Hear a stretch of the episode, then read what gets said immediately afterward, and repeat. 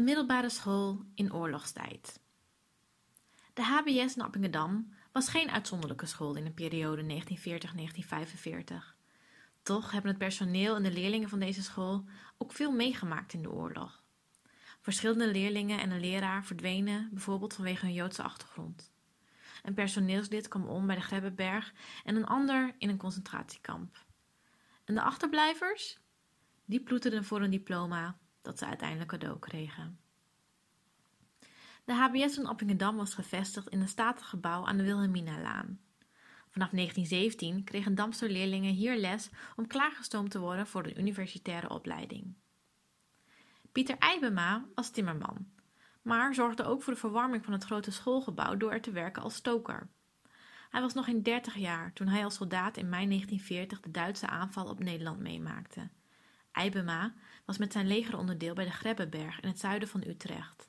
Daar kwam hij op 13 mei om het leven. Zijn vrouw bleef achter met een zoontje van bijna één jaar.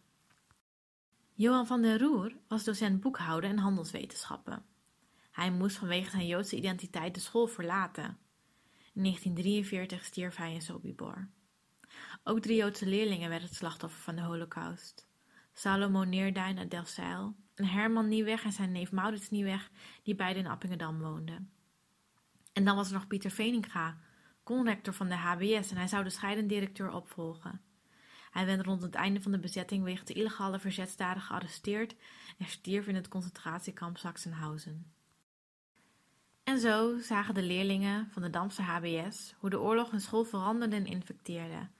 Maar ze konden nog wel relatief lang gewoon hun lessen volgen. Aan het einde van de oorlog werd het echter, vooral voor de jongens, steeds moeilijker. De leeftijd voor de tewerkstelling in Duitsland, de arbeidseinsatz, werd verlaagd naar 17 jaar. Bovendien konden jongens vanaf 16 jaar worden opgeroepen om graafwerkzaamheden te verrichten, schuttersputjes maken en loopgraven aanleggen. Een van de leerlingen van de Damster HBS, Piet Doornbos, geboren in 1927, herinnert zich. Iedereen werkte zo langzaam mogelijk. Uiteindelijk kreeg de commandant in de gaten dat ik goed Duits sprak omdat ik op de HBS zat en werd ik op een kantoor gezet om van alles te vertalen. Daarna kreeg ik vrij af om mijn eindexamen te gaan voorbereiden. De voorbereiding op het examen was voor de leerlingen niet gemakkelijk. Doornbos vertelt: In de herfst van 1944 werd de school gesloten.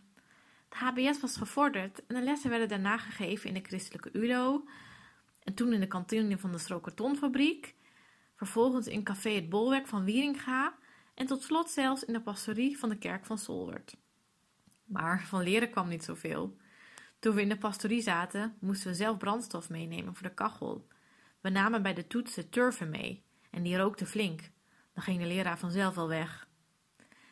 Maar de examens gingen niet door vanwege de bevrijding. Toen heeft de koningin besloten om alle eindexamenleerlingen hun diploma te geven op basis van de cijfers die ze wel hebben gehaald. En zo vertelt Doornbos, zo heb ik mijn diploma van het HBS gekregen.